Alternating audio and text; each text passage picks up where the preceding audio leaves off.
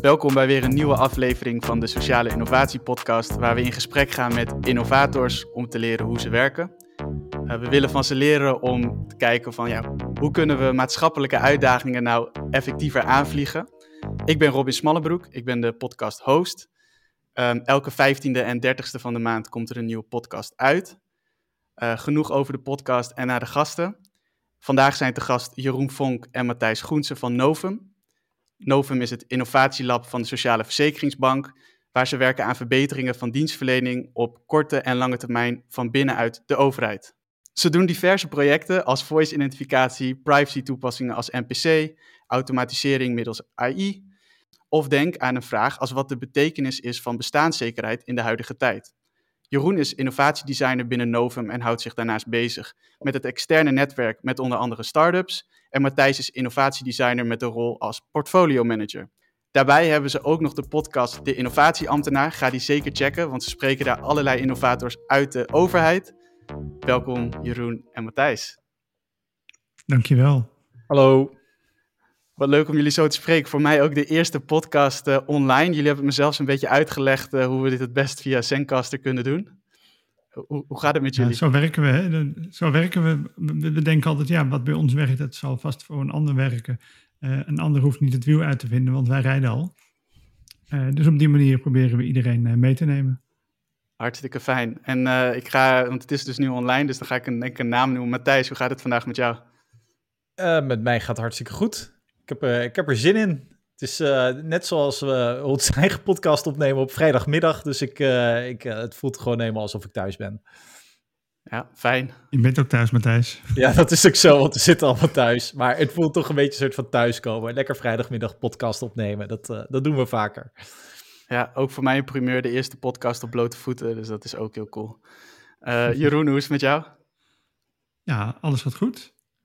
Bij de coronavaccinatie zit erin, de uh, vermoeidheid neemt af, de energie komt weer terug.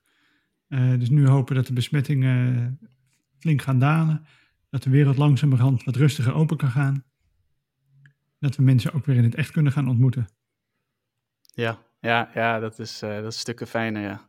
Zelf ook net weer een teamdag gehad en dan zie je iedereen weer en dan denk je, ja, het verschil is wel erg groot. Ik weet niet of jullie dat ook zo ervaren.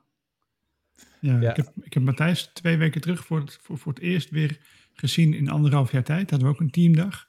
Nou, je, je mist toch heel veel dingen wat je niet online hebt. Bijvoorbeeld dat iemand water gaat halen of een kopje koffie, die, die, die stoot een been tegen de tafel. Ja, al die extra prikkels, dat, dat mis je dan toch. En als iemand een mank loopt, dan zie je dat uh, van, goh, wat is er? Oh ja, die heeft met zijn been gestoten. Uh, en gewoon de, de, de, energie van mensen, die, die, die voel je weer. Ja. wat, wat, ik zelf heel bijzonder vond, inderdaad, dat we zaten weer met het hele team in een gigantisch grote vergaderzaal bij elkaar op anderhalve meter afstand. En ik heb aan het einde van de dag thuiswerken en videovergaderen ben ik echt leeg. Dan ben ik eh, moe en uh, uh, nou, moet ik mezelf echt uh, naar, naar de keuken slepen om daar nog een maaltijd in elkaar te koken, zullen we zeggen. Maar ik, ik merkte dat ik ehm, uh, zo'n hele dag met het team. Ik was eigenlijk aan het eind van de dag ontzettend ontspannen. En dat verbaasde me enorm. Ik was gewoon totaal ontspannen. Ik had nog energie over. Dus uh, vond, ik, uh, vond ik bijzonder aan die dag. Ja, gaan we die dingen ineens nu echt waarderen? Ja, precies. Um, ja. En ja, om het onderwerp maar gelijk aan te snijden, hoe jullie innoveren. Ik denk dat daar nog een vraag voor zit. Want de Sociale Verzekeringsbank, ik weet nog toen wij elkaar een tijd geleden een keer ergens ontmoetten dat ik dacht van, oh, dat heeft voor mij ook wat uitleg nodig. En als je het dan hoort, dan denk je, ah, dat is de Sociale Verzekeringsbank. Zouden jullie een beetje kunnen uitleggen, wat doet de Sociale Verzekeringsbank en wat is dan Novum met Innovatielab? Uh, uh, ja, zal ik die doen, Matthijs? Dat is goed. Pak jij hem. Uh, zet... Ik heb hem voorbereid. Ja. de Sociale Verzekeringsbank is de uitvoerder van de Sociale Verzekeringswetten in Nederland. we hebben 5,6 miljoen klanten. Uh, in 2020 uh, keerden we 49 miljard uit. Uh, dat hebben we gedaan met ruim 4000 medewerkers. we hebben 17 wetten, waarvan de bekendste de AOW, de ANW, de AIO en de kinderbijslag zijn. en de ANW en de AIO, wat, wat, wat zijn dat? Ja, nou, de AOW, dat is zeg maar ouderdomspensioen. ANW, dat is nabestaande pensioen. Uh, AIO, dat is AIO, dat is aanvulling inkomen ouderen. Dat is als je niet een volledig uh, AOW krijgt, omdat je niet vanaf je 15 in Nederland hebt gewoond en gewerkt, maar uh, tussendoor bent weg geweest een hele lange tijd, of je bent later in, in Nederland komen wonen. Ja, en ook als je een onder een heel laag inkomen hebt, ook daarbij. Dus geen eigen privépensioen hebt. Ja, en je komt onder het bestaansminimum, dus onder bijstandsniveau, dan kom je in aanmerking voor een, voor een aanvulling. Uh, en als je dan kijkt naar, uh, we, doen onder andere ook persoonsgebonden budget uh, en nog heel veel andere kleine regelingen. het merendeel van de dingen gebeuren online. steeds meer hebben we digitale verwerking. met AOW is dat 70%, kinderbijslag is 78%. nou, we krijgen nu, vorig jaar hadden we ongeveer 900.000 telefoontjes.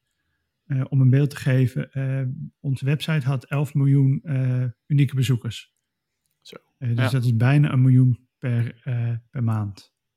En dan praat je over unieke bezoekers. Dus dat is ook wel, uh, dat, is, dat is best wel groot. Ja, dat is, dat is enorm groot. En, en hoe staat wat, Novum als innovatielab, hoe staat dat in verhouding met, of wat doet dat voor de Sociale Verzekeringsbank? Novum is het aparte innovatielab van de SVB, wat wel in de SVB zelf zit. Wij zijn ook zelf in dienst van de SVB. We hebben alleen gekozen om een aparte naam aan te nemen voor onze afdeling. Uh, om aan de buitenwereld duidelijk te maken dat we een apart stukje zijn. We maken geen gebruik van de SVB-systemen of van de SVB-IT-infrastructuur. Dus op het moment dat wij uh, iets met innovatie doen, dan, uh, dan doe je heel veel dingen om te leren. Dan gaat er ook heel vaak iets fout. en dan is het niet zo dat als dat ergens terechtkomt dat mensen denken, oh, mijn kinderbijslag komt niet. Kom, laat, laat ik even gaan bellen van, uh, komt mijn kinderbijslag al op tijd? Nee, dan is het in één keer duidelijk dat het een apart stukje is van de Sociale Verzekeringsbank die wat uitprobeert, die wat test. En op die manier, daarom hebben we onder andere gekozen voor een aparte naam. Uh, en het, het, zorgt er ook voor dat je, uh, als je met start-ups gaat praten, start-ups zijn vaak een kleine groep jonge ondernemers, we zijn nog niet zo lang eh, bezig met, uh, in, in, een bepaald bedrijf. En als je dan zegt, ja, wij zijn de Sociale Verzekeringsbank, wij zijn de grote uitvoerder. Nou, dat kan best wel uh, voelen als heel erg intimiderend. Terwijl als wij zeggen, nou, we zijn het innovatielab, we zijn met z'n zessen. we willen gewoon dingetjes uitproberen. Dat, dan, dat, dat voelt veel laagdrempeliger. Ja, en voor we daar te diep in, in, opgaan, hebben jullie... Oh, sorry, jij wou met Thijs ook net iets vragen. Stel die vraag vooral eerst. Matthijs, heb jij nog een aanvulling? Um, nee, eigenlijk niet. Volgens mij heb je het heel goed uitgelegd. Uh, ook inderdaad uh, de omvang. Ik denk dat het misschien nog wel goed is om aan te vullen, is dat het uh, eigenlijk twee dingen wat Novum ook bijzonder maakt als innovatielab, is dat wij gepositioneerd zijn eigenlijk vrij bijna direct onder de raad van bestuur. Dus het hoogste orgaan binnen de SVB. Er zit nog een chief change officer tussen. Maar dan zit lab, dus we zijn op echt hoog in de boom als het ware gepositioneerd, wat ervoor zorgt dat wij, ehm, eh, als we besluiten genomen, ja, besluiten willen laten nemen, dat dat voor ons heel makkelijk is. En een ander ding is dat wij uh, volledig gefinancierd zijn. En je ziet heel veel innovatielabs of innovatienetwerken binnen overheidsorganisatie dat die geen eigen financiële middelen hebben. Dus als ze iets, een experiment of een project willen opstarten, dan moeten ze daarvoor apart budget ophalen. En wij kunnen bij wijze van spreken op vrijdagmiddag bedenken: oh, hey, dit is een vet idee. Uh, en op maandagmiddag kunnen we starten, omdat we gewoon over onze eigen budgetten gaan. Dus ik denk dat dat Novum redelijk uniek maakt uh, als innovatielab. Want um, daar misschien toch even, die kan ik niet gelijk loslaten. Want hoe komt het dat jullie dat voor elkaar hebben gebokst? Dat jullie dus een, uh, een eigen budget hebben en dat je ver, verder in de overheid veel ziet dat dat niet zo is? Ja, dat is uh, al vanaf het begin af aan altijd zo geweest. In het, uh, dus het is ook echt een strategische keuze geweest. Het is niet alsof er.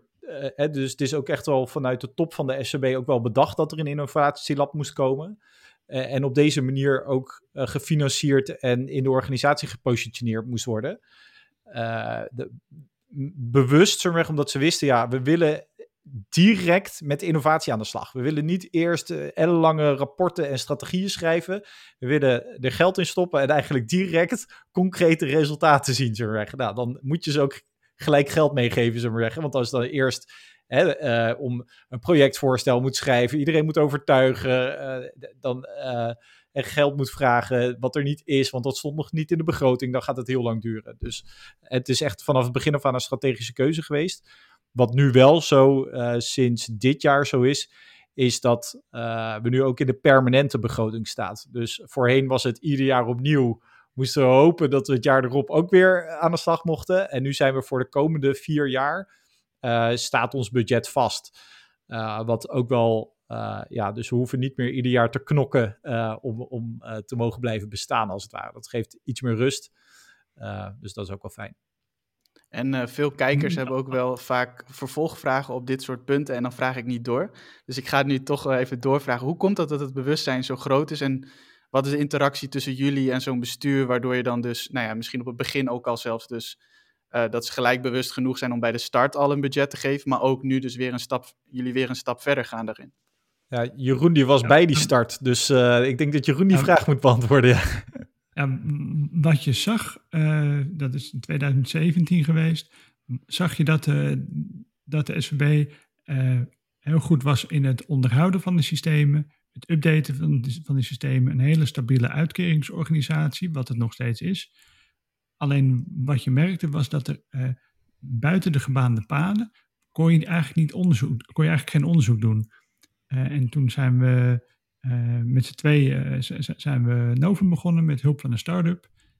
ook gewoon vanuit de opdracht van nou ga maar innoveren. Want er riepen een aantal mensen het moet anders kunnen. Nou, een van die mensen dat was ik zelf.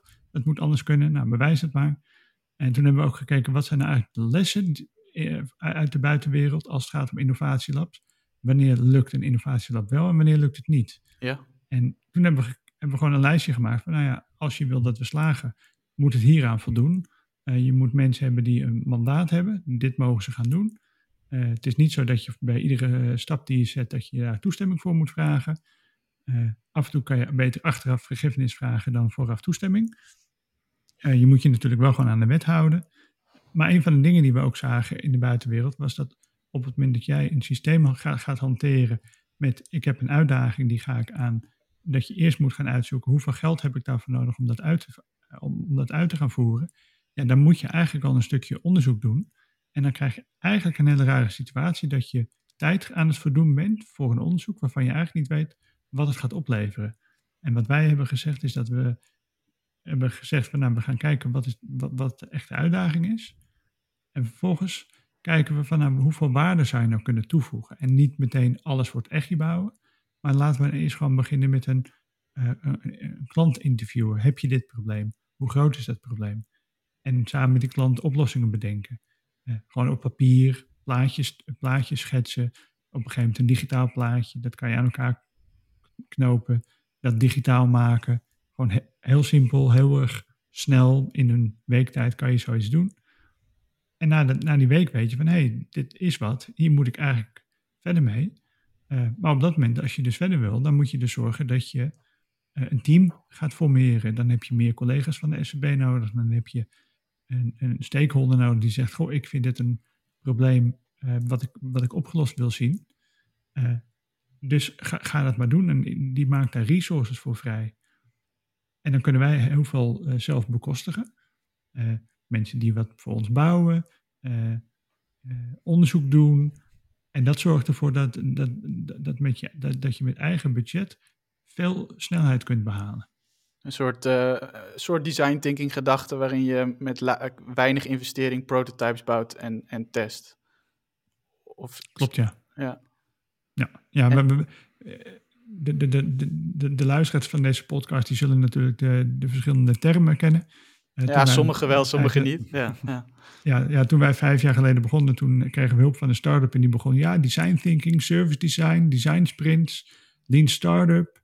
Uh, zorg dat je, dat je problem, problem solution fit bent en product market fit. En we dachten echt van, nou, wat is dit voor abacadabra? Hm. Dus nou, dat, waar wij heel goed in zijn, is uh, bij de SVB is het begrijpelijk uitleggen van ingewikkelde materie.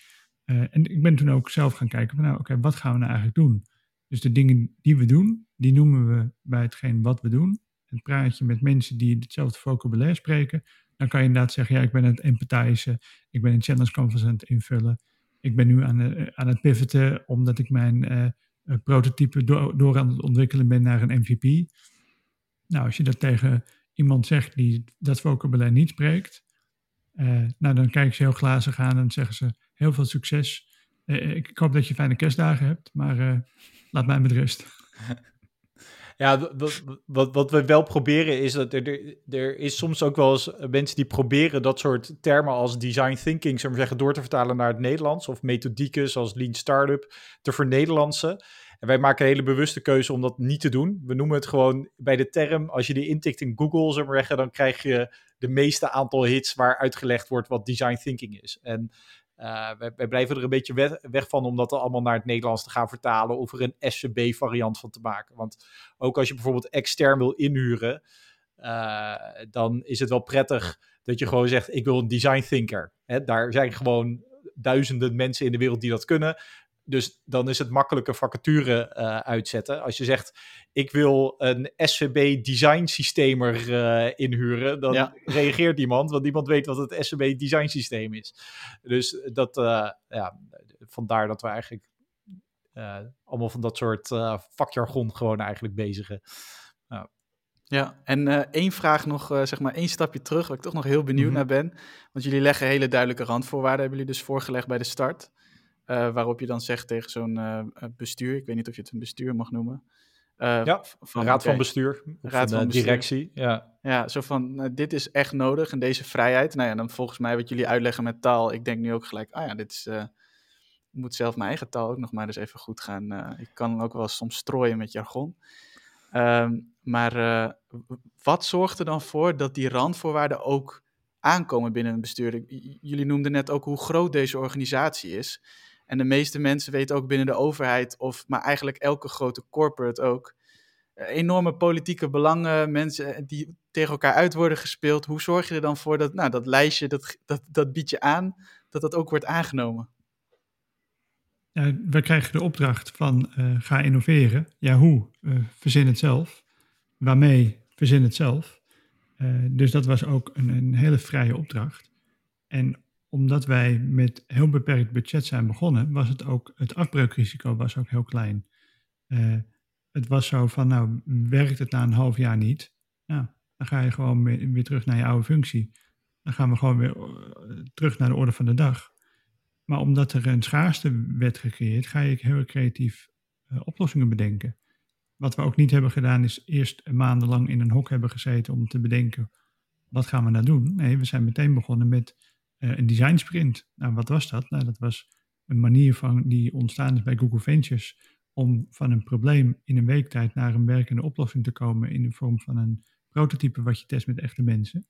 Nou, dus je sluit jezelf op in vijf, vijf dagen in een hok en je gaat dat systeem ga je door. En na die week nodig je mensen uit. Kijk, dit hebben we nou bereikt in een week. Wat, heb je dit in een week gedaan? Nee, maar je bent er echt maanden bezig. Nee, dit is het. Dan heb je een hele kamer vol met allemaal papier hangen en uh, sticky notes. Uh, een designer had, uh, had een mooi prototype gemaakt. Nou, op dat moment laat je zien, hé, hey, dit werkt. Oh, nou, omdat je kan laten zien dat het werkt, krijg je vertrouwen. En vertrouwen geeft meer vrijheid. En door meer vrijheid te krijgen en, meer, en, en beter mandaat, zorg je ervoor dat je kunt gaan ja, accelereren, zou ik bijna kunnen zeggen. Ja. Want hij zou zeggen demareren, want die is meer van het wielrennen. Maar Nee, ja, ik, ik, denk dat dat echt waar is. Dus uh, wil je als innovatieclub, zullen we zeggen, serieus genomen worden, zorg er gewoon voor dat je concrete resultaten laat zien. En concrete resultaten hoeven niet een succes te zijn per se. Hè? Uh, een concreet resultaat kan ook zijn van, goh, we hebben 25 burgers geïnterviewd en we hebben iets ontdekt wat we uh, nog niet wisten. en daarmee we hebben dus we hebben een probleem gevonden wat we niet wisten dat bestond bij, bij onze klanten. En daar kan een bestuur ook wel zeggen: Goh, ja, dat is inderdaad wel een probleem. Uh, hier uh, ga dat oplossen. Hè? En dan krijg je het vertrouwen dat je dat mag oplossen. Maar ik denk dat er nog wel iets anders meegespeeld heeft. En soms moet je ook gewoon een beetje mazzel hebben, denk ik. Is dat er op dat moment uh, de voorzitter van de raad van bestuur was gewoon iemand die heel erg innovatie-minded was. Hè, dat was Maarten Schuring, die is nu de hoogste baas bij het ministerie van Binnenlandse Zaken. Maar uh, ik denk dat dat. Je, moet ook wel uiteindelijk mensen hebben in dat soort posities. die er ook wel gewoon zo'n risico durven te nemen. Ik denk ook wel heb je een hemelbestormende pitch. Uh, een fantastisch verhaal, een concreet resultaat. Maar er zit niet een bestuurder die dat risico aandurft. en ook een beetje ja, daarin mee wil in dat verhaal. dan blijft het heel erg lastig. Dus ik denk dat het ook gewoon. ja, daar ook wel gewoon heel erg van afhangt. Van ja zit er ook aan de top van je organisatie ambitie om met innovatie aan de slag te gaan. Want als dat er niet is, ja, dan gaat het toch wel uiteindelijk eh, voelen als een knokpartij of als een, uh, een gevecht. En ik denk dat als je daarin terecht gaat komen, dan ga je zoveel energie op kwijtraken. Dat het je niet meer lukt om echte innovaties te maken. En dat, ja, dat, ja, ik denk dat dat gewoon heel erg helpt als je, dus je toch wel, ja, het hoeft niet eens financieel te zijn, maar alleen al is het moral support vanuit de top. Ja, we, we, zien, je, we zien je pijn lijden, maar ga door, weet je wel, bemoedigende aanmoedigingen. Uh, dat, dat, dat, dat is wel heel fijn. Ja, gaaf. Dus uh, duidelijke randvoorwaarden creëren. Een bestuur die, uh, waar ook ambitie zit om het te doen. En vervolgens horen jullie, jullie nu al drie keer de, die eerste week sprint. Dus ik hoorde een, spreek, een sprintmodel van één week. Hoe ziet dat er ongeveer voor jullie uit? Uh, nou, in het begin hebben we dus uh, veel design sprints gedaan. Uh, wat we daarbij merkten was dat je, als je, als je het uit het boekje neemt, dan moet je beginnen met een uitdaging. Je vormt een multidisciplinair team. Dus niet alleen maar dezelfde mensen, want dan krijg je gewoon hetzelfde antwoord. Dus dan moet je lekker mixen. wat, wat, is een, wat is een mix? Waar kan je aan denken? nou ja, als je bijvoorbeeld een team bestaat ongeveer uit vijf, zes mensen. Je kan je voorstellen als je vijf developers bij elkaar zet, die allemaal uh, dezelfde taal developen, ja, dan krijg je waarschijnlijk iets, een, oplossing wat in de richting van die taal is. Zet je vijf juristen neer, dan krijg je waarschijnlijk iets met een juridische aanpassing. Terwijl als je zegt, je neemt een mix van procesmensen, developers, designers, juridische mensen, privacy mensen, uh, mensen met verschillende achtergronden. Uh, wat ook belangrijk is, een mix tussen mannen en vrouwen hebben we ook gemerkt. Als je alleen maar mannen in het team hebt, dan wordt het uh, heel, uh, heel anders als dat je uh, er ook gewoon een mix van maakt. want dat is gewoon veel productiever, hebben we gemerkt. Wat we wel merkten was dat het heel lastig was om agenda's van, van, een, van zo'n groep mensen vijf dagen vrij te maken. Nou, dat hebben we toen ook mee geëxperimenteerd. nou, kun je dat dan opknippen in weken? Nou, waarom zou je dat doen? Oh, dan je moet eigenlijk wat onderzoek doen. Je komt erachter dat je niet de juiste mensen bij elkaar, bij elkaar hebt. Je moet wat andere mensen invliegen. Uh, en vervolgens kwamen we erachter dat we heel vaak beginnen met een uh, uitdaging of een probleem wat nog niet genoeg onderzocht is. En daarvan merkten we dat het belangrijk is om, voordat je überhaupt start met een uitdaging, dat je goed het probleem in kaart hebt gebracht. Daar liepen we zelf tegenaan toen we bijvoorbeeld met het thema schulden uh, aan de slag gingen. Het thema schulden is erg groot binnen de overheid. De overheid is een van de grootste veroorzakers van schulden van, bij mensen. Uh, omdat we geld geven, dan moeten mensen terugbetalen. Het uh, is niet altijd even duidelijk waarom je dat moet terugbetalen, hoe, hoe, hoeveel. Hoe, nou, hebben we heel veel onderzoek naar gedaan. Welke problemen spelen er? En toen kwamen we erachter van ja, de een komt met een bierveeltje met een probleem, de andere komt met een beleidsnotitie. De ander heeft 25 eh, slides in PowerPoint gemaakt. Ja. Maar dat praten niet lekker met elkaar. en toen dachten we, nou, wat nou als je dat nou eigenlijk op een gestandardiseerde manier aanpakt? Uh, zou dat dan beter werken? Toen hebben we naar het Business Model Canvas gekeken van Alex Ostwalder. Uh, nou, dat werkt op zich goed als je weet wat je probleem is en dat je, waarmee je geld wil gaan verdienen. Aan de andere kant, wij willen geen geld verdienen, wij willen waarde toevoegen in het leven van burgers zodat ze gewoon eh, een, comfortabel en prettig leven hebben. Want bestaanszekerheid is iets waarvan, waarvan we zeggen dat is vanzelfsprekend. Nou, op dat moment zijn we, eh, zijn we zelf een canvas gaan ontwikkelen, wat zich heel erg focust op het probleem en niet op de oplossing. Want we krijgen wel eens eh, uitdagingen binnen, ja, kun je, kun je kinderbijslag op de blockchain draaien? Of kun je eenzaamheid onder ouderen met robots oplossen? Ja, wat is nou de uitdaging? Is er een probleem met eenzaamheid of is er een probleem, je wil iets met robots? En op dat moment. Wil je zelf graag spelen met uh, robots? Dat uh, kan het ook zijn. Ja, Bijvoorbeeld. Eh, ja, en waarom wil je dat dan? Ja, we zien, we zien dat op, we hebben, we hebben dat op een congres gezien, dat wordt het helemaal. Oh, nou, welk congres was dat? Kunnen we daar nog iets over vinden? op dat moment merk je dat je, als je allemaal op dezelfde manier zo'n uitdaging opschrijft, merk je dat je het makkelijker aan elkaar kunt presenteren. Een van de dingen in zo'n challenge canvas is ook een pitch. Dus je moet een hele korte pitch kunnen houden. En op basis daarvan kan je bepalen van nou, wat, waar gaan we nou mee verder en waar niet. Uh, om een voorbeeld te geven met het thema schulden, hadden we, we waren toen met, ik geloof met vijven hebben we dat gedaan. En iedereen die had ongeveer vier canvassen ingevuld. Dus we hadden twintig canvassen. Ongeveer, ik weet het niet meer uit mijn hoofd, want dat is een paar jaar terug. En toen zijn we dat aan elkaar gaan presenteren. Ja, twintig projecten is gewoon te veel. En hebben we gezegd van, nou ja, eigenlijk, wat kunnen we nou zelf beslissen? Wat moeten we wel en wat moeten we niet doen? En toen dachten we, ja, daar kunnen we eigenlijk wel hulp bij krijgen. Dus hebben we een paar eh, product owners die over het thema schulden gingen, hebben uitgenodigd. En nou, gepresenteerd. Uh, dotfouten, dus met uh, uh, plakketjes erop plakken van nou, wat, wat is nou wel en wat is nou geen goede, goede uitdaging. Ja. En op basis daarvan hebben we gezegd van nou ja, hier gaan we wel mee verder en daar niet. En vervolgens zijn we daar wat, wat, wat, wat diepgaander onderzoek mee gaan doen. Met als gevolg dat er weer meer inzichten kwamen, konden er weer meer dingen uitvallen. En vervolgens gingen we maar met een paar dingen, een paar dingen door. Uh, en, dat, en dat allemaal in een vrij kort tijdbestek. Ik geloof dat we daar drie weken uh, de tijd aan hebben besteed. Dus de eerste week is dat, als... is dat canvas, dan nog wat dieper onderzoek en dan weer zeg maar zo'n keuzemoment. Ja. Oké. Okay. Uh, en en dan, dat, dat klinkt als heel erg lang. Maar wat je ziet is dat binnen de overheid en ook bij de commerciële bedrijven dat de mensen maandenlang bezig kunnen zijn met overleggen. Uh, dan, is, uh, dan is die er niet, dan moet het overleg nog een keer, want die was er niet. Dan is de andere er weer niet. Uh, nou, dan ben je zomaar drie maanden verder. En na de drie maanden heb je heel veel overleg gehad. Heb je heel veel stukjes papier gemaakt. En heb je een idee, ja, dit is wel een goede uitdaging om mee aan de slag te gaan. Nou, als je dat keer twintig zou doen, nou, we hebben gewoon grofweg uitgerekend, dan ben je twee jaar verder en dan heb je nog niks. En wij dachten van, nee, dan heb, heb je, dit, dit kan, kan je dus in drie weken tijd doen. En op die, op die manier kan je op een innovatievere manier een probleem aanvliegen. Ja, en dat, waardoor, dat is je dus wel... Effectiever bent. Ja, dat is vaak dus het allereerste wat we doen, zullen we zeggen, voordat we überhaupt eigenlijk aan design thinking of aan een design sprint starten. Dat is eigenlijk, is een challenge canvas is vaak ook wel bijna een soort van contract met je opdrachtgever. Van oké, dit is dus exact het probleem de uitdaging die jij wil dat we gaan oplossen in het vervolgtraject. dus dat er ook niet meer. vaak zie je ook nog wel eens dat er een verschil van. Uh, niet helemaal concreet gemaakt is van ja, wat willen we nou bereiken? Dus dat voorbeeld van ja, kun je eenzaamheid voorkomen met robots? Ja, wat wil je nou precies? Wil je eenzaamheid voorkomen of wil je een project met robots?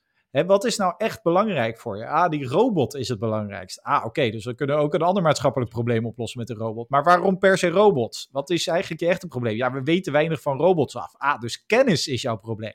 Ja. Helemaal niet eenzaamheid. Oké, dan gaan we iets verzinnen waarmee je de kennis over robots kan vergroten. Dat is een hele andere uitdaging dan uh, eenzaamheid proberen op te lossen. Dat is, en eh, soms is het echt eh, moet je dat heel expliciet gaan maken met je opdrachtgever. Van ja, wat, wat verwacht je nou aan effect?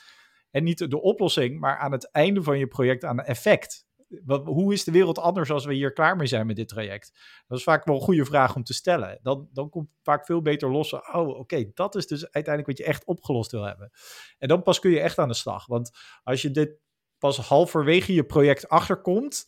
Van nee, maar ik wil eigenlijk gewoon een mooie robot hebben dat is echt heel vervelend. Dat is echt. Heb je heel veel tijd aan het verkeer zitten besteden. En dat, gek genoeg komt dat echt heel vaak voor. Zeggen. En uh, ja, dat is. Uh, ja. ja, dat, dat, dat klinkt als zonde inderdaad. En, en hoe zorg je dan dat je. Um, je hebt de, natuurlijk de stem van de opdrachtgever die zegt van ja, dit is eigenlijk wat ik wil doen. Mm -hmm. Hoe maak je een beslissing daarin dat je een probleem kiest waarvan je zegt, ja, maar deze, dit probleem heeft ook echt prioriteit voor de burger? Ja, dat, dat gebeurt op uh, verschillende niveaus eigenlijk. Want of iets prioriteit heeft voor de burger, weet je op dat moment vaak niet. Want je hebt die burger nog helemaal niet gesproken. Dus daar, daarin maar doe je gewoon aannames aan het begin. Dus je zegt, ik neem aan dat dit een probleem is voor onze klanten. En dat die aanname is gebaseerd bijvoorbeeld op een klacht of op een onderzo onderzoek wat is gedaan. Maar je, dat is op dat moment nog een aanname. Waar wij wel heel erg op prioriteren binnen het innovatielab is draag deze innovatie bij aan de strategische doelen van de Sociale Verzekeringsbank. En dus eigen, de, de heeft gewoon een meerjarenplan. En wij kijken wel heel erg van ja, wat wij in het innovatielab aan het doen zijn, moet daar wel aan bijdragen. Uh, om een, heel concreet voorbeeld daarvan te geven, het woord eenzaamheid is al gevallen. De SCB heeft nergens in zijn jaarplannen iets staan over het oplossen van het eenzaamheidsprobleem in Nederland. Ja. En dat is ook helemaal niet erg, want daar zijn wij niet, ook niet voor bedoeld als sociale verzekeringsbank. Dat is niet, helemaal niet onze taak. Uh, wij voeren ook geen wetten uit. Uh, het kan wel degelijk zo zijn dat mensen die in onze doelgroep vallen eenzaam zijn. Hè? uh, maar dat is niet een. Dus het is echt wel voorgekomen dat wij met een project bezig waren dat zich richtte op eenzaamheid. En daar waren we al heel erg ver mee. En dat de raad van bestuur zegt: ja, maar wat je nu aan ons vraagt is om een systeem in beheer te gaan nemen, wat ons jaarlijks kosten oplevert, uh, waar ik mensen voor vrij moet maken, wat helemaal niet bijdraagt aan onze strategische doelstellingen. Dus het antwoord is nee, dat ga ik niet doen. uh, dus het is wel heel erg goed om dat van tevoren te bedenken van oké, uh, is dit iets waar de SCB ook daadwerkelijk van is? Um, want, want wat zou dan een, of, of, wat is de omschrijving van, ik snap dat kan best misschien wel een groot document zijn, maar uh, is er een soort van korte uitleg van, dit is de strategische doelstelling of de doelstellingen? Ja, zeker. Dus uh, er zijn verschillende, ik, ik, ken ze niet helemaal uit mijn hoofd en ik heb het ook niet, uh, het is een vraag waar ik me niet op voorbereid heb, maar dus ik, er zullen vast mensen luisteren en zeggen, Matthijs, je vergeet er een, maar grofweg uh, wij, wij zijn de uitvoerder van sociale zekerheidswetten en de PGB. En dat, doen we heel stabiel. Dat is een van de strategische doelstellingen. Dat wij iedere kwartaal en iedere maand op tijd en rechtmatig het geld overmaken. En dat klinkt als een hele saaie doelstellingen. Uh, maar dat is wel, als wij daarmee ophouden als SVB. Uh, één maand niet de AOW overmaken in Nederland is gewoon geen optie. Ja, klinkt alles behalve saai. Ja dat is geen optie. Dat is opening 8 uur journaal, zullen we zeggen. En het einde van de SCB als dat een keer flikker, weet je wel. Dat kan niet. Dus dat is echt wel om die grote organisatie stabiel te houden. Dat is een uh, belangrijk element. En ook innovatie helpt daarbij. Dus je kunt ook op een innovatieve na manier nadenken over hoe kunnen we systemen zo stabiel mogelijk krijgen. Um, een ander ding is wat wij wel zien, is dat er binnen de uh, overheid de manier waarop we diensten, kijken naar dienstverlening en kijken naar de uitvoering, zien we dat we veel meer naar een één overheid toe willen groeien. Uh, en daar heeft Novum ook best wel een belangrijke rol in. Is eigenlijk voorstelbaar gaan maken van hoe dienstverlening vanuit één overheid eruit gaat komen te zien. Nou, concreet voorbeeld waar toevallig Jeroen en ik ook samen aan werken, is kan je nou het aanvragen van de kinderbijslag tegelijkertijd doen met de geboorteaangifte? Nou, dat, dat, dat doen we nog helemaal niet in Nederland. Terwijl het vanuit het perspectief van de burger misschien wel heel logisch is. Ja, ik kom hier een kind aangeven. Uh, dat 99,99% van de kinderen in Nederland krijgen kinderbijslag. Of de ouders van de kinderen krijgen kinderbijslag. Dus ja. Het is heel logisch dat je dat als je een kind hebt, dat, dat je dan dat gelijk aan aanvragen. Je hoeft trouwens alleen in Nederland voor je eerste kind kinderbijslag aan te vragen. Dus dat, dat scheelt alweer. Maar ook dus voor die eerste kinderen kunnen we dat in één keer doordoen. Nou, uh, dat is een manier van dienstverlening waar we misschien naar door willen ontwikkelen als organisatie. Uh, dus dat is ja, eh, werken vanuit één overheid. En er is nog een tweede pijler, maar die, die misschien heeft Jeroen die ondertussen gegoogeld, maar ehm, ja, nu gaan er de, de SCB's die gaan we echt uit zitten lachen morgen. Oh nee, ik zie ze niet uh, fysiek, maar als ik ze in de kantine tegenkwam, dan uh, zouden ze zeggen: Foei, Matthijs, dat had je moeten weten. Maar uh, nou, die houden jullie van me te goed. Maar dat soort type. Um, ja, dat, dat soort type doelstellingen hebben. En die zijn weer uitgesplitst in uh, 25 deeldoelstellingen. En ja. daar hebben alle directies hebben daar een taak in. Dat is best wel groot, uh, grote uitdaging en een grote ambitie voor, voor de komende vijf jaar uh, ligt daar. Ja, trouwens, eentje die ik ook wil noemen is uh, werken vanuit de bedoeling. Uh, is wel ook echt een belangrijke strategische doelstelling van de SB. Wat betekent dat, de, de bedoeling? Ja, dat kan Jeroen misschien wel uitleggen. Ja, kijk, ehm, werken vanuit de bedoeling, dat gaat erover, goh, wat is nou eigenlijk de bedoeling van deze wet? En wat is de bedoeling van deze werkinstructie? Heel vaak kun je denken, ja, doen, doen we altijd al zo, maar waarom doe je dat nou? En is het nu echt in het voordeel van de burger dat ik nu deze beslissing neem? Dat, is dat wel de bedoeling van, van deze wet? je kunt je voorstellen als jij een bepaalde regeling ontvangt en je voorwaarden veranderen, waardoor je minder recht hebt op die regeling of helemaal geen recht meer hebt, ja, dan kan je zeggen, dan, moet je nu dat geld wat je te veel hebt gekregen, moet je terugbetalen. Nou, in de wet staat bijvoorbeeld, niet letterlijk, maar dat, dat, dat, dat moet je binnen zes weken terugbetalen. Ja, het kan ook zo zijn dat je, dat je denkt, van, ja, dat moet binnen zes weken terug, want die burger moet er wel van, van op de hoogte zijn staat nergens dat het, ook, dat het ook drie maanden mag duren of vier maanden. Dus op, de, op die manier ga je kijken van nou, wat is nou eigenlijk de bedoeling achter die wet. Uh, en ja, als mensen, uh, in, uh, collega's van de SVB daar in een knel mee komen, dan, ja, dan kunnen ze aan de bel trekken. wordt er ook bijvoorbeeld een multidisciplinair team samengesteld. Dat heet dan Garage de Bedoeling. dan wordt er in een soort van garage settings met allemaal overals, want iedereen is op dat moment gelijk. Wordt die casus besproken. Om ja, echt overal? Ja, Gaaf. echt okay. overal. Uh, nu is dat misschien ja, minder omdat je, omdat je niet fysiek bij elkaar bent. Uh, maar allemaal uh, ga je in een kringetje zitten en om, om die mensen heen zitten, zitten ook ex, experts. En dan wordt die casus wordt besproken, wordt uitgebreid verslag van gemaakt. En dat heeft al een paar keer geleid tot beleidsaanpassingen door het ministerie, omdat gezien wo wordt van hé, hey, dit is best wel een groot probleem. Eigenlijk is het is het niet de bedoeling dat de burgers hier, hier benaderd door worden. Uh, dus laten we hier zo het beleid op aanpassen. Ja.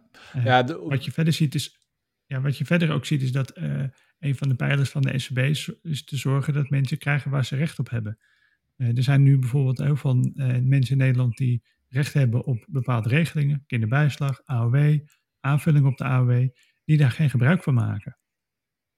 nou, hoe weten we dat? Nou, er wordt gewoon berekening gemaakt Hoeveel mensen zijn er die, die hier recht op hebben? Zoveel geld krijg je daarvoor. Hey, wij houden geld over. Hoe komt dat nou? We sturen die mensen brieven. Nou, ze reageren niet. Hoe komt dat nou? nou mensen maken hun post niet open, want mensen vinden dat eng. Uh, er zal wel weer een rekening zijn die ik moet betalen. Ik vind niet. mijn post ook eng. Hoewel er niks om bang voor te zijn. Ja. nee, en uh, nou, dan, wat doen we dan? Dan sturen we bijvoorbeeld een, een briefkaart. Dus dan, die hoef je niet open te maken, want er staat gewoon op. En dan uh, leuke boodschap, een smiley. Goh, u krijgt geld van ons. neem contact met ons op. en dan nog zijn er heel veel mensen die, die ons niet benaderen of bereiken of dingen aanvragen. Zo zijn er bijvoorbeeld vorig jaar of, of dit jaar daarvoor zijn er ongeveer 2000 mensen opgespoord die hun AOW niet hadden aangevraagd. Waarbij er ook mensen tussen zaten die daarachter, die, die, die zeiden, ja, maar dat hebben we al een keer aangevraagd, want mijn man krijgt het, dus ik krijg het toch ook?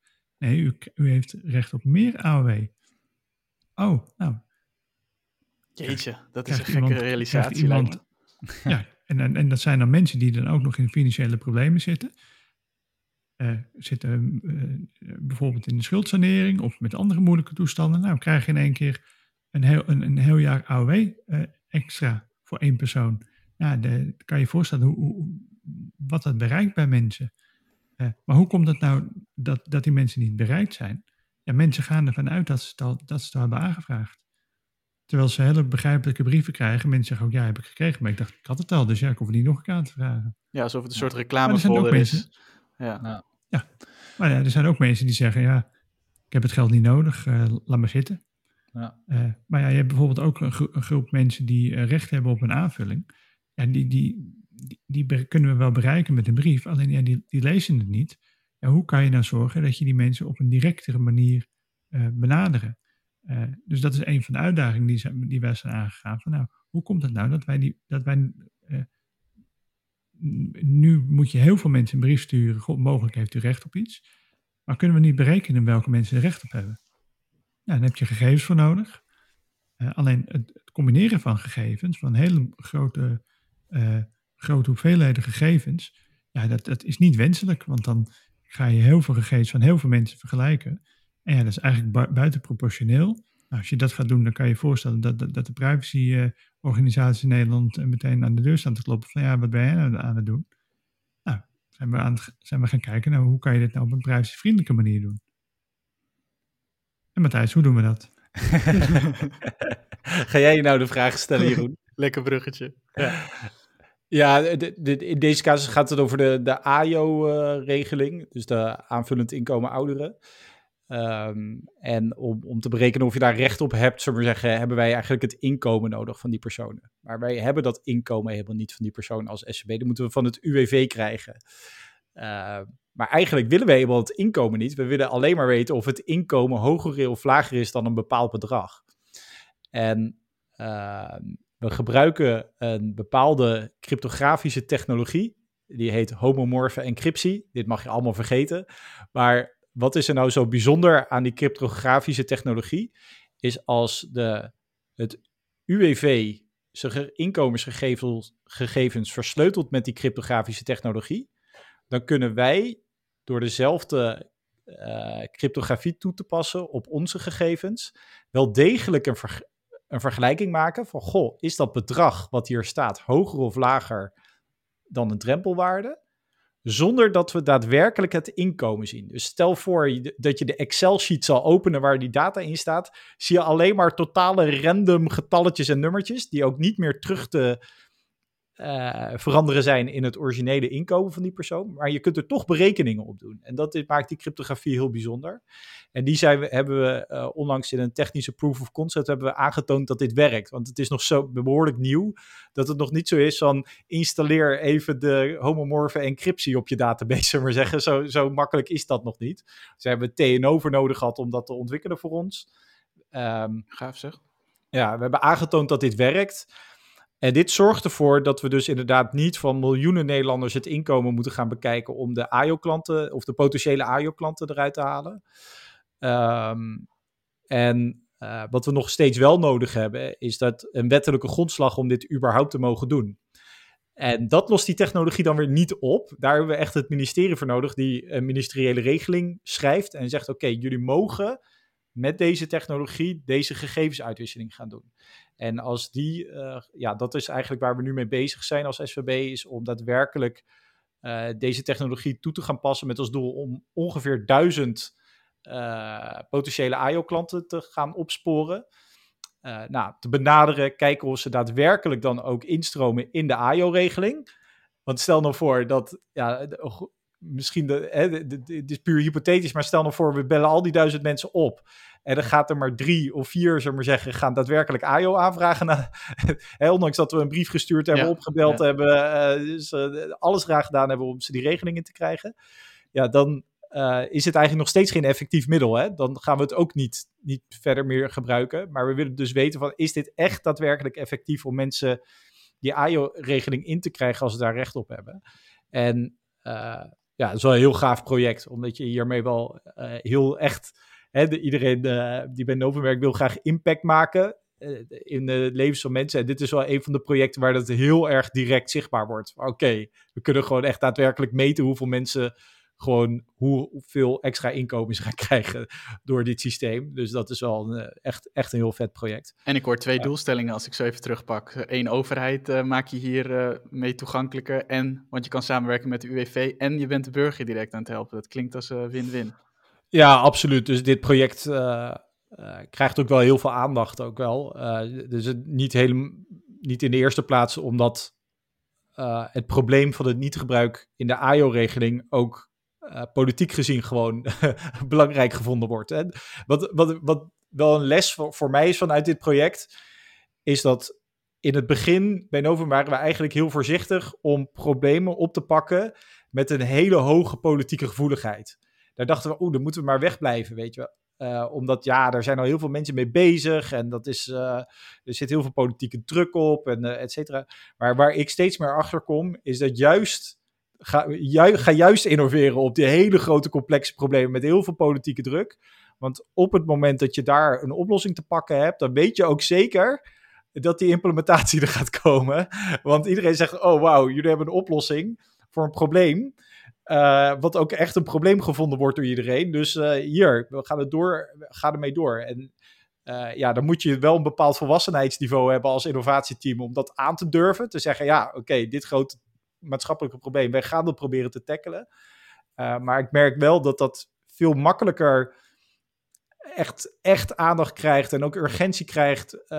dan als je zegt, ja, ik, ik ga dat ene projectje waar eigenlijk geen aandacht voor is en waar, waar, waar eigenlijk nooit resources voor vrijgemaakt. Ik ga dat eens met een innovatieve oplossing proberen op te lossen. Ja, dan zul je altijd onderaan de backlog uh, blijven bungelen met je ideeën. Dus uh, soms is het ook wel goed om gewoon de stoute schoenen aan te trekken. En te zeggen, joh, dat grote probleem waar de minister zo boos over werd, gaan wij oplossen. En, uh, en ja. kun je daar enigszins grip ook op hebben? Want ik kan me voorstellen van waarom je zegt van, ja, misschien moet je daarvan wegblijven. Dat je denkt van, ja, er zijn kampen. Dus hoe kun je ze allebei tevreden houden? Nou, jij zegt nu, als je een oplossing in het midden zet die die twee tegenstellingen weghaalt, dan, dan hoeft, is dat juist interessant, want ze willen vooruit.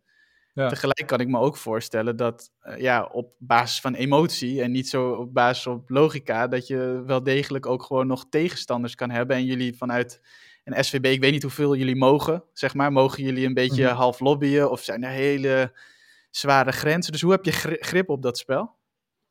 Ja, ik, ik denk wat je vooral uh, wat je vooral moet blijven uitleggen, is dat het hebben van een innovatielab een voordeel is voor iedereen. Dus ik, ik zeg ook niet, bijvoorbeeld, je kunt een, uh, er is bijvoorbeeld een probleem daar in de AIO. Nou, we kunnen dat op de klassieke manier gaan uh, oplossen, zoals we dat altijd doen.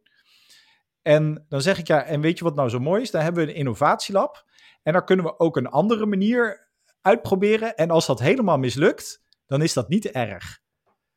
Maar stel nou voor dat het lukt dan zijn we in één keer niet één stapje verder, zijn we in één keer tien stappen verder. En dat is eigenlijk een beetje waar. Dus je, je zegt, wij nemen eigenlijk een heel groot risico. Uh, of een reden, of heel groot, een stuk groter risico om iets tien keer beter te doen dan één stapje voor staat. Een beetje een incrementele verbetering. En je zou ook het probleem van de AIO kunnen oplossen door een net iets beter formulier te, aanvraagformulier te maken. Een betere brief te schrijven. Een reclamecampagne er tegenaan gooien. Nou, misschien dat je het probleem 5, 6 procent oplost. Maar dan heb je ook echt wel impact en een succes. Maar je kunt ook zeggen, ja, maar hoe gaan we gewoon alle potentiële AIO-klanten opbellen? Echt, we gaan ze gewoon allemaal proberen op te bellen. Ja, hoe moet je ze identificeren? Moesten, ja, gaan we ook een oplossing verzinnen? Ja, privacy, gaan we ook een oplossing verzinnen? We gaan al, heel erg moeilijk. Kan allemaal mislukken, maar we gaan het wel doen. En, en je moet dus aan mensen uitleggen. En we hebben daar ook nog een plek voor, die heet Novum. Maar als die dingen allemaal mislukken, dat het dan niet erg is. Want het is al gefinancierd. Dus, uh, dus wij, en ik denk dat als je dat op die manier brengt, dat mensen ook zoiets hebben, oh, oké, nou prima, weet je, die, die, die gok, die, die ja, is eigenlijk geen gok, want als, ik, als het mislukt, dan is het niet erg. En wie leg je dat uit? Leg je dat je raad van bestuur uit of, of meng je je dan weer op andere gebieden ook om dat gesprek ja, te gaan? dit moet je aan iedereen uitleggen, zou ik zeggen. Dus je, eh, je moet het aan al je stakeholders moet je dit uitleggen. En sommige stakeholders heb je al heel vaak mee samengewerkt, dus die komen ook gewoon actief naar je toe. Hè? Bijvoorbeeld het voorbeeld van dit project over uh, het opsporen van AIO dat was gewoon een collega van de SB die naar ons toe kwam en zegt: Hey, ik heb, uh, we, hebben, we gingen samen naar uh, een presentatie over multiparty computation, uh, dus MPC-technologie, dus die cryptografische technologie. En die zei: Matthijs, kunnen we dit niet gebruiken om die AIO op te sporen? En toen zei ik: Ja, dat is mooi, laten we een experiment starten. Ja, dat is een enorm project geworden, maar. dus mensen die al Novum al kennen, die beginnen actief naar ons toe te komen. En soms moet ik zelf actief naar collega's toe. En dan ja, ik heb het de afgelopen week nog, die kwam echt naar me toe. Kreeg ik eerst echt zo'n boze mail. Ja, en de Novum, wat bemoeien jullie nou in één keer weer met mijn regelingen? Wat komen jullie hier doen? En dan ja, moet ik eerst even een gesprek met iemand voeren, een kopje koffie drinken, uitleggen wie we zijn en hoe we werken. En dan ontdooit dat langzaam en dan kun je wel je project starten. Maar stakeholder management is hier de, is hier de sleutel en kopjes koffie drinken met mensen. Dat, uh, dat is ook nodig. Ja. Ja, mooi. Ja, en, en, wat we natuurlijk eigenlijk ook altijd wel doen is dat we niet zomaar een PowerPoint-presentatie maken uh, waar niks aan ten grondslag ligt. We zorgen er altijd wel voor dat we feiten naar boven halen. Uh, het liefst nog uh, gebruikersonderzoek doen. in het geval van NPC hebben we ook gekeken. we kijken ook heel veel naar nieuwe technologieën. Dat we kijken, nou, zouden we daar de SVB over kunnen inspireren? En nou, dan organiseren we een inspiratiesessie met de bedoeling van, nou, dit speelt er in de boze buitenwereld. Het is niet zo eng. We leggen het op een begrijpelijke manier uit. En op, op die manier krijg je de uitdagingen uh, vanzelf naar je toe. Ja, gaaf. En Ja, en nog even terugpakkend op dat proces, hè? want ik, uh, er zijn heel veel mooie dingen al voor, voor, of tenminste vind ik, ik hoop dat iedereen die luistert ook super mooie dingen vindt, maar er komen naar voren dus van hoe jullie met zo'n probleem aanpakken. Jullie hebben een eigen canvas gemaakt, uh, nou, jullie hebben wat verteld over wat voor vragen stel je daarin, uh, dat je die aan elkaar pitcht, dat je dan nog wat research doet, dan ga je daarop door. Vervolgens vertelden jullie net ook nog iets over, nou ja, je moet dan ook bij die behoeften, moet je gaan kijken bij die IO van, nou, is er dan dan ga je onderzoek. En daar, wordt al, daar heb ik dus alweer wat vraagtekens van. Hoe ga je dan dus verder? Dus dat, dat begin van die sprint. En hoe ga je dan verder om erachter te komen? Willen mensen dit ook echt? Ik, ik kan grofweg, zomaar zeggen, ons innovatieproces uitleggen. Maar ik zeg er gelijk bij dat er geen enkel project gegaan is zoals ik het nu ga uitleggen. Dus het is een soort van. Ik ga ons theoretische model uitleggen waar, aan de hand waarvan wij werken. Misschien kunnen we het combineren en, en kan Jeroen ook af en toe een soort van, dan, een soort van inhaken op het moment. Want er is, ik heb jullie ook van tevoren gevraagd van waar zitten de echte frustraties. Ik zie trouwens Jeroen nu eventjes, uh, die, uh, die wist dat hij een belletje ging krijgen van de appie. Dus die, ja. die doet wat, dat belletje denk ik even. Die bellen net aan. Ik laat heel even de boodschappen binnen. Ja, ik vertelde het net. Dus, ja. ja, dus Matthijs, als jij gewoon begint, dan kom ik zo weer terug. Ja, gaan we doen. Nou, uh, de, dus ik, ik kan wel uitleggen hoe, hoe, hoe theoretisch, maar zeggen, onze innovatieproces uh, eruit ziet. En uh, dat begint dus bij de Challenge Canvas, daar hebben we het over gehad. Daarbij beschrijf je eigenlijk, oké, okay, dit is het probleem of de uitdaging die ik wil oplossen. Vervolgens passen we design thinking vaak toe. En dat is een methodiek om eigenlijk van een probleem naar een oplossing te komen. En design thinking begint met het probleem te snappen vanuit het perspectief van de eindgebruiker. Dus in een challenge canvas beschrijf je het vaak vanuit het perspectief van je opdrachtgever of vanuit het perspectief van je organisatie. Wij als SVB hebben een probleem dat uh, deze klantgroep dit formulier niet goed invult. Ja. Oké, nou bij design thinking ga je kijken, oké, wie is die klantgroep, wie zijn die mensen? En je gaat uh, vaak door kwalitatief onderzoek, dus interviews, mensen observeren, um, uh, participatief onderzoek door zelf je eens een keer in de plek van die klant te verplaatsen. Ga zelf dat formulier een keer invullen, zeg ik wel eens. Um, dan kom je erachter, oké, dit zijn daadwerkelijk de knelpunten die die uh, doelgroep ervaart. En um, dat noem je observaties. Dus je probeert zonder nog conclusies te trekken, gewoon te observeren wat doen mijn klanten. En dat gaat, uh, ja, dus dat op een gegeven ogenblik, als je met deze fase klaar bent, dan heb je dus een uh, letterlijk uh, ja, bijvoorbeeld 25 interviews gedaan en je hebt 25 interviews verslagen, dan heb je gewoon liggen. Oké, ja, dan, dan vaak heb je er zoveel indrukken, dan zie je door de bomen het bos niet meer. Dus dat is vaak het punt dat je zegt, oké, we moeten dit gaan terugbrengen weer naar, naar uh, conclusies, zullen we zeggen, naar inzichten. Ja. En dat noem je ook de define fase. Dus dan ga je eigenlijk weer, waarbij je in de empathize fase heel erg aan het divergeren bent, ga je daarna convergeren weer eigenlijk naar één uh, ja, hoe doe je dat nou? Is eigenlijk door alle observaties die op elkaar lijken in je interviews of in je uh, gebruikersonderzoek, die ga je bij elkaar plakken. Uh, en er ontstaan clusters en van die clusters kun je inzichten maken. Bijvoorbeeld, wat, in het voorbeeld van hey, dat formulier werkt niet goed een groot deel van onze uh, klanten zijn visueel beperkt, omdat ze heel erg oud zijn. En in het formulier staan kleine lettertjes. Of nou, ze zijn visueel beperkt, laat ik het zo zeggen. En dat kan een inzicht zijn en zo heb je vaak een aantal van dat soort inzichten.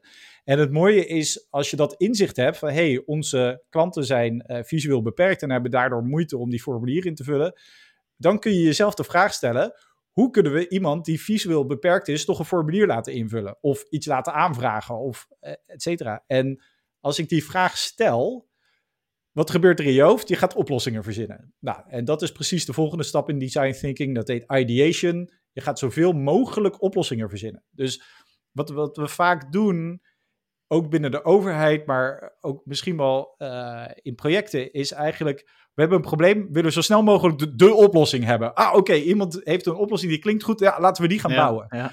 Nou, en wat we bij design thinking juist doen, is zoveel mogelijk oplossingen verzinnen. En op dus ook oplossingen die helemaal niet kunnen of uh, veel te radicaal zijn, et cetera. Maar uiteindelijk Welkom uit die... terug, Jeroen. Sorry. Ja, uiteindelijk uit die grote hoeveelheid oplossingen kies je er een aantal of combineer je er een aantal en zeg je, ah oké, we denken dat dit een oplossing is die daadwerkelijk uh, een antwoord is op de challenge die we hadden. Nou, en dan is het natuurlijk, ga je dan naar je opdrachtgever toe en zeg: hier is de oplossing, ga me implementeren. Nee, dat doen we niet. We gaan eerst een prototype maken van die oplossing. En die uh, testen we weer met de eindgebruiker. Dus niet met je opdrachtgever, maar met de daadwerkelijke persoon die daar gebruik van moet maken. Een prototype, hoe zou je dat voor de mensen die, uh, voor wie dat nog een redelijk nieuw woord is, hoe zou je dat omschrijven, een prototype? Ja, dus heel abstract, een prototype is een ding, iets waarmee je iets test bij een eindgebruiker en de eindgebruiker weet dat die onderdeel uitmaakt van een test. Dus je zegt, nou, en bijvoorbeeld in het geval van dat formulier wat ik nu als voorbeeld gebruik, is stel voor je hebt een formulier gemaakt wat ook met een braille computer te lezen is. Nou, heel concreet, um, je gaat zo goedkoop mogelijk één van die formulieren maken. Uh, je maakt er nog helemaal geen hele website achter met van alles en nog. Je maakt alleen dat stukje formulier. En je, gaat, je nodigt vijf mensen met een visuele beperking uit en zegt: Hey, kun je dit formulier nu invullen, ja of nee? Dus je bouwt het meest minimale om de aanname die je hebt, namelijk: hey, als ik een formulier optimaliseer voor braille-browsers, dan kunnen ze het wel invullen. Ah, oké, nou, gevalideerd, dat werkt. Oké, is een goede oplossing. Um, nou, komt er misschien ook achter dat er een heel hele grote groep visuele mensen met een visuele beperking zijn die een voorleesbrowser gebruiken. Oh, ja, daar had ik niet aan gedacht. Oké, geleerd. Dan moet ik dus ook uh, voor voorleesbrowsers optimaliseren. Ik noem maar wat. Hè? En zo uh, leer je dus ook tijdens het prototypen nog hoe, hoe je je. Dus dat is vaak, oké, je prototypt iets, je test het, je leert.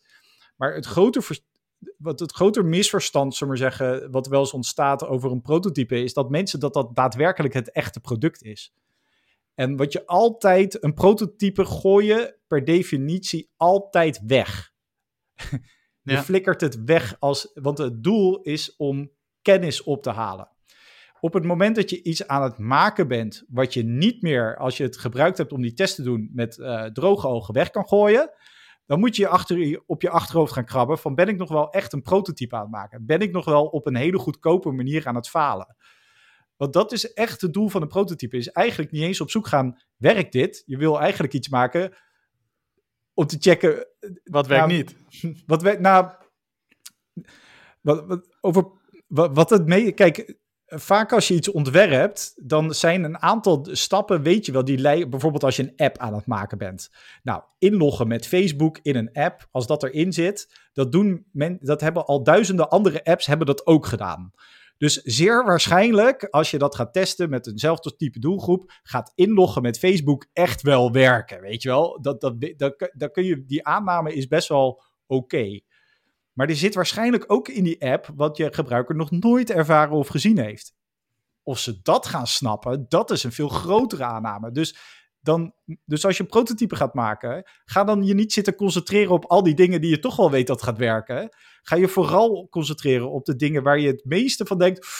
Oeh, dat is even spannend, zullen we zeggen. Dat is, uh, dat is lastig. Nou, daar maak, maak je je prototype op. Maar wat je wel moet doen met die aannames, maar die moet je wel opschrijven.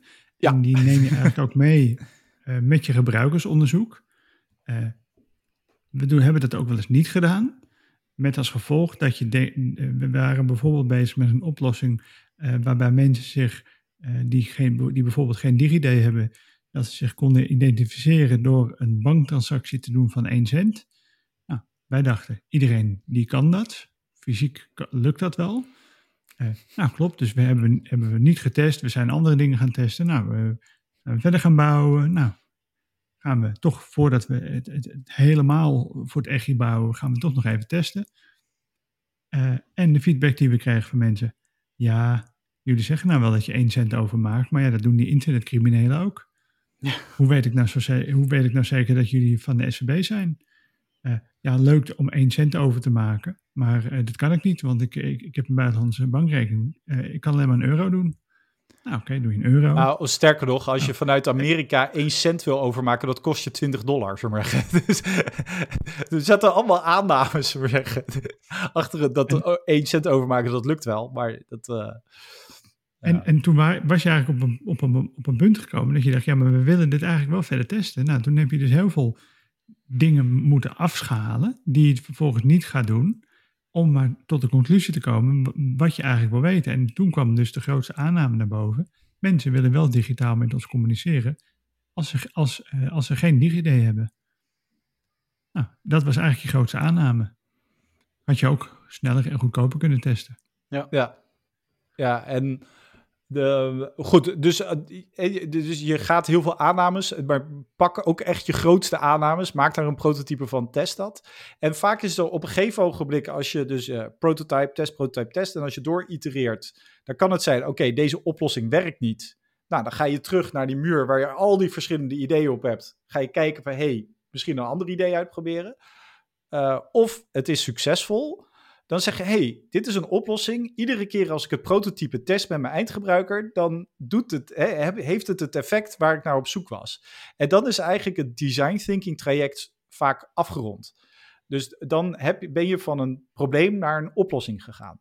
Nou, die oplossing, dat is dus letterlijk een ontwerp. Het is een design, zou ik zeggen. Maar het is nog niet een product wat daadwerkelijk op grote schaal geïmplementeerd wordt. Er zit nog geen business case onder.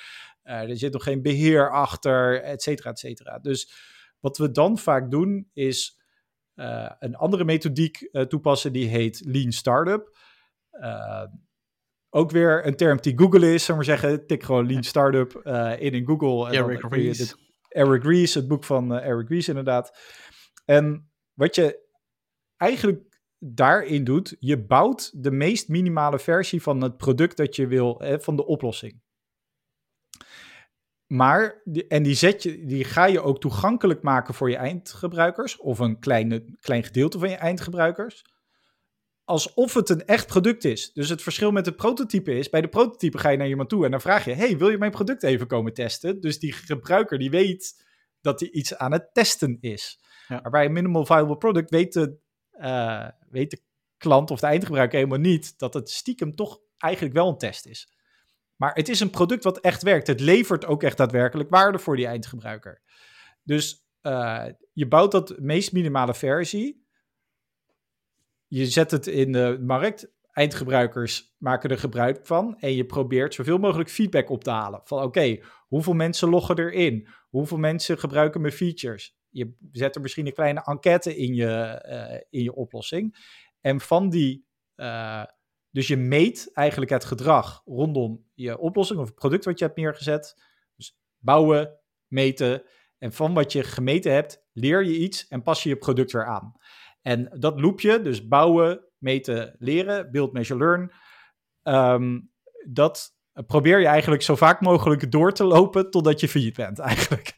komt of, of een succesvol product hebt, een van de twee, zo zeggen. Maar je probeert uh, dat loopje ook zo snel mogelijk te doorlopen om je product steeds verder te verfijnen. En op een gegeven moment, nu richten we misschien meer op ondernemen te lijken ook eigenlijk. Uh... Exact. Dus in het begin zal het heel erg focussen op de eindgebruiker. Nou, om hem even concreet te maken. Wij hebben de Waldo-app ontwikkeld. Dat is een app waarmee je kan bewijzen dat je in leven bent. Daar hebben we de meest minimale versie van gebouwd. Uh, en die hebben we bij uh, in drie landen. dus klanten van de SCB in het buitenland moeten één keer per jaar bewijzen dat ze leven ja, anders staan we geld over te maken, misschien wel naar de kleinkinderen in plaats van naar de oorspronkelijke eigen. Hè? Dus wij willen weten, leven die mensen nog?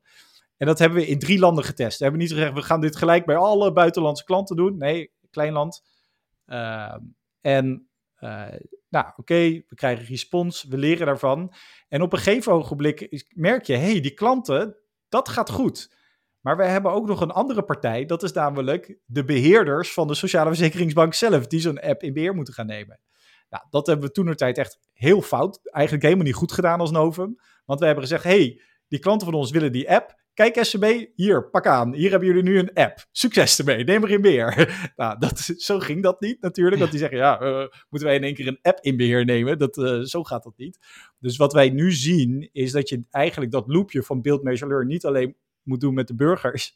Of met de, ja, eind, eh, maar ook met je eigen organisatie. Je moet ook gaan praten. hey, beste mensen van IT, hoe willen jullie eigenlijk uh, dat dit systeem bij jullie in beheer komt? Uh, hey, beste security afdeling, aan welke security eisen moet dit voldoen? Nou, vaak voldoet het al eigenlijk aan alle security eisen, omdat de persoonsgegevens aan het verwerken zijn. Maar toch dan, je gaat het naar een ander platform overbrengen of iets dergelijks. Dan komen weer allerlei security eisen om de hoek kijken.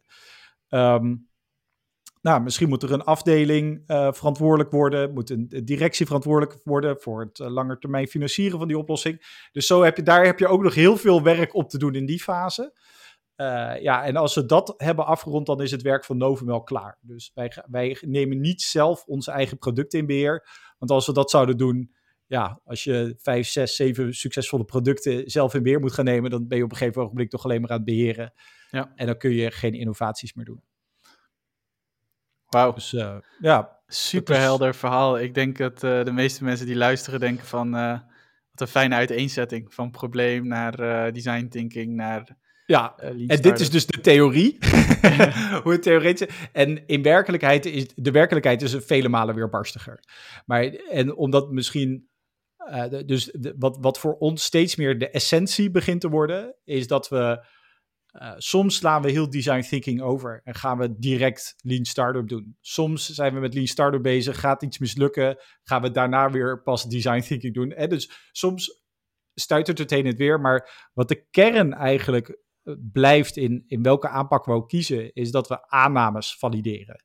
Dus we doen een aanname en we gaan een experiment ontwerpen wat uh, zo goed mogelijk die aanname valideert of invalideert.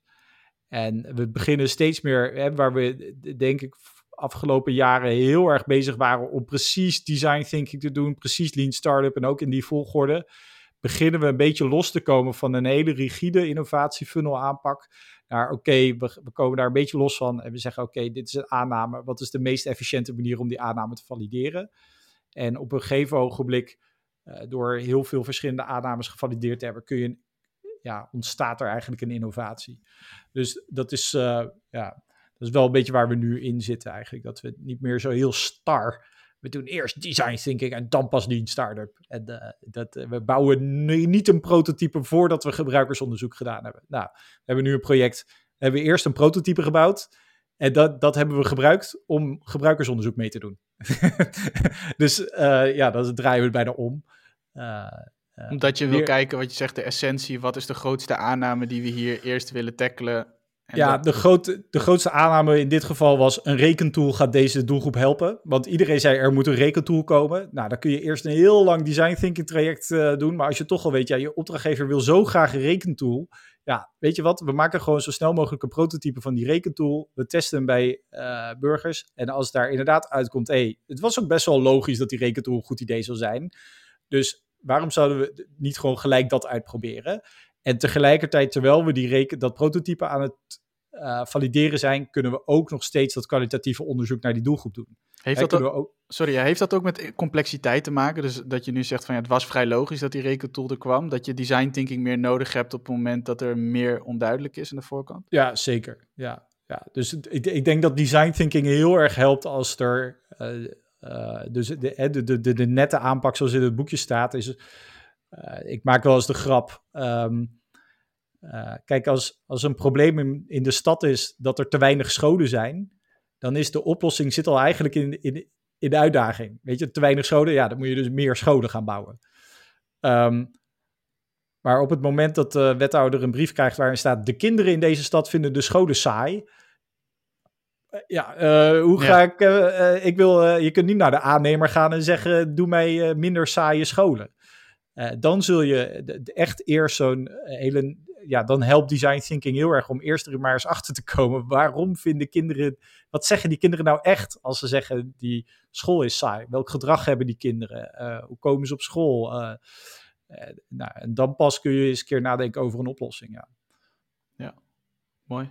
En dan, dan, dan krijg je eigenlijk te maken met van gewoon, wat is nou eigenlijk de echte uitdaging? En wat is nou eigenlijk het probleem? En dan begin je op dat stukje. Terwijl op het moment dat je weet van hé, hey, we, we, hebben een, we, hebben een berekening nodig. Ja, oké, hoe willen mensen die gebruiken? Ja. Uh, het, het, het, is hetzelfde als met, met het voorbeeld met het alternatief levensbewijs. Ja, we weten dat mensen een, een levensbewijs moeten indienen ieder jaar als ze in het buitenland wonen en ze ontvangen geld van de SVB. Uh, maar hoe groot is dat probleem? kun je een paar mensen spreken. Nou ja, we kunnen niet zomaar zeggen we gaan de database van de SVB in en we gaan uh, wat mensen opzoeken die in het buitenland wonen. Nee, zo werkt dat niet. Dus wat doen we? We nemen contacten met collega's die klantcontact hebben, waarbij we vragen van, goh, uh, spreek jij dit soort mensen? Zou je dan uh, deze twee vragen als, extra kunnen stellen? Hebben we, hebben maar van tien mensen nodig.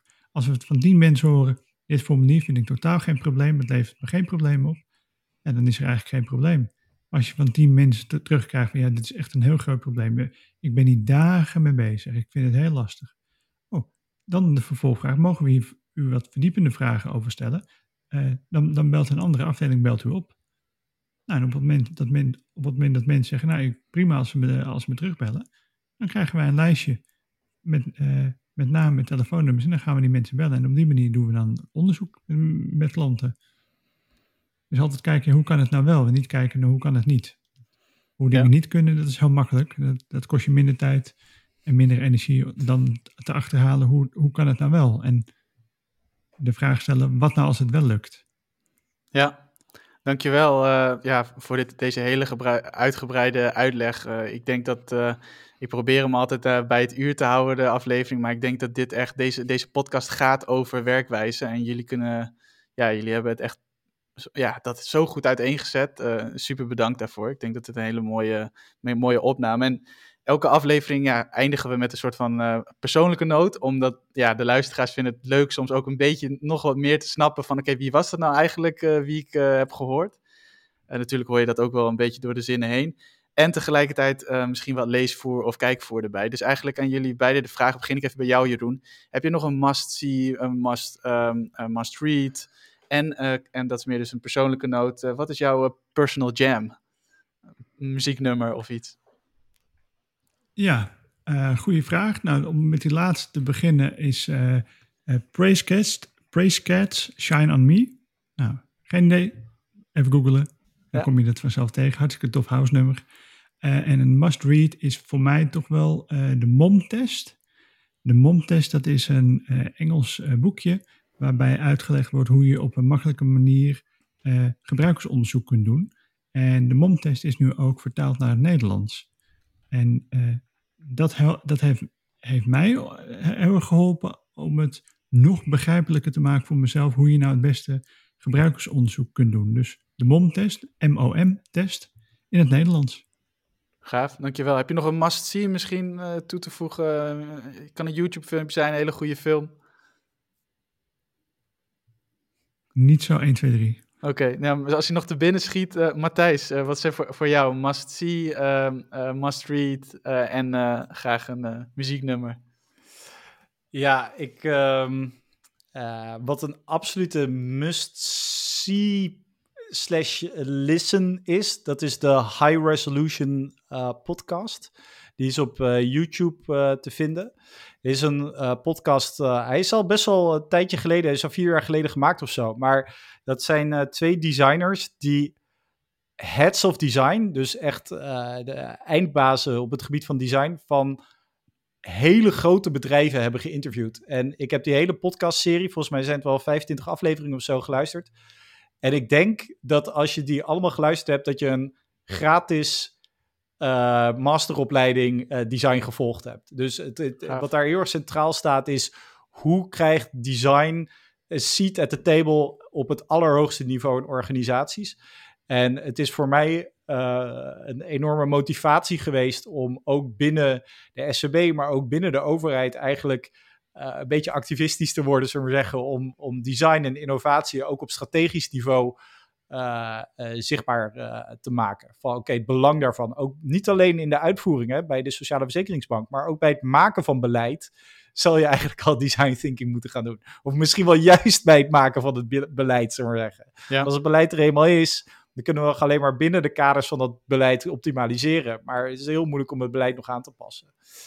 Um, ja, goh, kijk, weet je, uiteindelijk ben ik echt een verschrikkelijke nerd. Dus een, uh, ja, ik kan alleen maar iets vertellen waar, waar ik enthousiast word als een.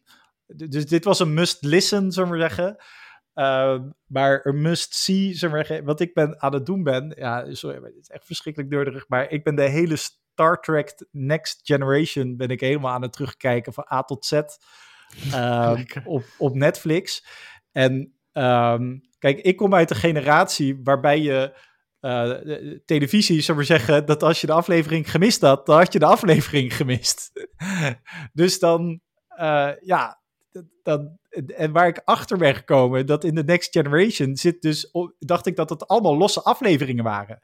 Maar als je het als serie kijkt, zit er een hele lange verhaallijn over al die afleveringen heen. En die kende ik helemaal niet. Dus het is een soort van mij A, jeugdsentiment, maar B, ook wauw, oké, ik, ik zie iets wat ik vroeger niet gezien had, wat in één keer mogelijk wordt door Netflix. Dus maar, oké, je moet wel echt een verschrikkelijke nerd zijn, zo zeggen. En dan, um, uh, ja, een must-listen, wat ik wel eens doe. Ja, ik, heb, ik ben niet uh, ik de luister Trek, alle... uh, sound, de soundtrack van Star Trek. Nou, trouwens, er, er zijn inderdaad soundboards uh, de, op, op het internet. waarbij je het, geluid, het achtergrondsgeluid van de, van de Enterprise, zullen we zeggen, op je, over je speakers kan laten komen. Dat is heel rustgevend, kan ik je vertellen. Ik heb dat wel eens laatst uitgeprobeerd. maar de, ehm, de, de, de, ja, wat ik eigenlijk mensen zou willen aanraden. zet de David Crockett team van Miami Vice aan.